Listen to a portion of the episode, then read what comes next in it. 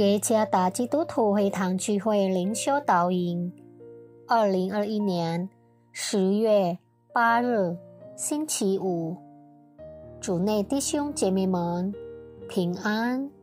今天的灵修导引，我们会借着圣经诗篇十五篇第一到第二节来思想今天的主题。写可以来救建筑。作者：利白家传道。诗篇十五篇第一到第二节，大卫的诗。耶和华，谁能寄居你的帐幕？谁能住在你的圣山？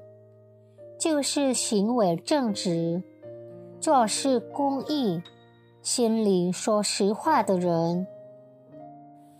最近我看了一部古装韩剧，这部虚构的影片描述了成为国王侍女的困难。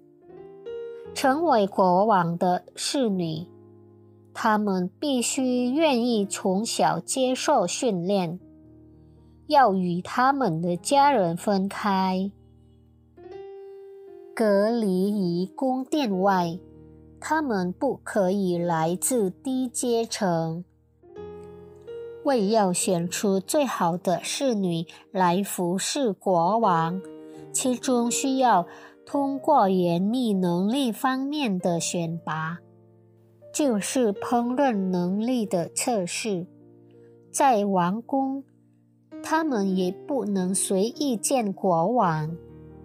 只有他们上级指定的某些人才可以送餐，他们也不可以随便在国王面前说话，唯恐若那个人说错了话，会被国王处死刑。诗篇十五篇的内容含有阐明道德和伦理的条件，好让敬拜者。可以进到上帝的宝座前。人要朝见上帝，必须达到一定的标准，即过圣洁和诚实的生活。不仅在上帝的面前，但你在其他人面前是无瑕疵的人。在基督里，我们可以晓得他就是。步向上帝的路，参看马太福音第十九章第十七节。因此，我们可以活在上帝的圣洁里，以及诚实在上帝和他人面前。唯独我们已经在基督里合而为一，在上帝面前才能行无瑕疵的生活。对我们来说，作为他的救赎子民，通过与基督合一，继续保守在上帝面前争执公义的生活是非常重要的。不仅在我们崇拜的时候，而是在我们的一生之中，无论在何处或在何时。甚至在我们与其他人的关系中，通过我们爱的态度和方式，来尊重我们的邻舍或其他人。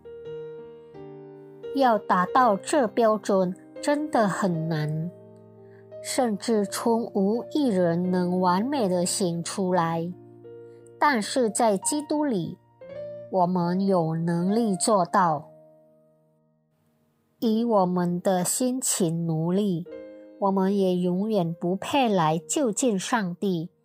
然而，唯有靠着上帝在基督耶稣里的方法，我们才配得来就近他，甚至能够在上帝和其他人面前活在他的圣洁和诚实中。唯独耶稣基督的牺牲，才让我们配得以降服的心来就近上帝。愿上帝赐福大家。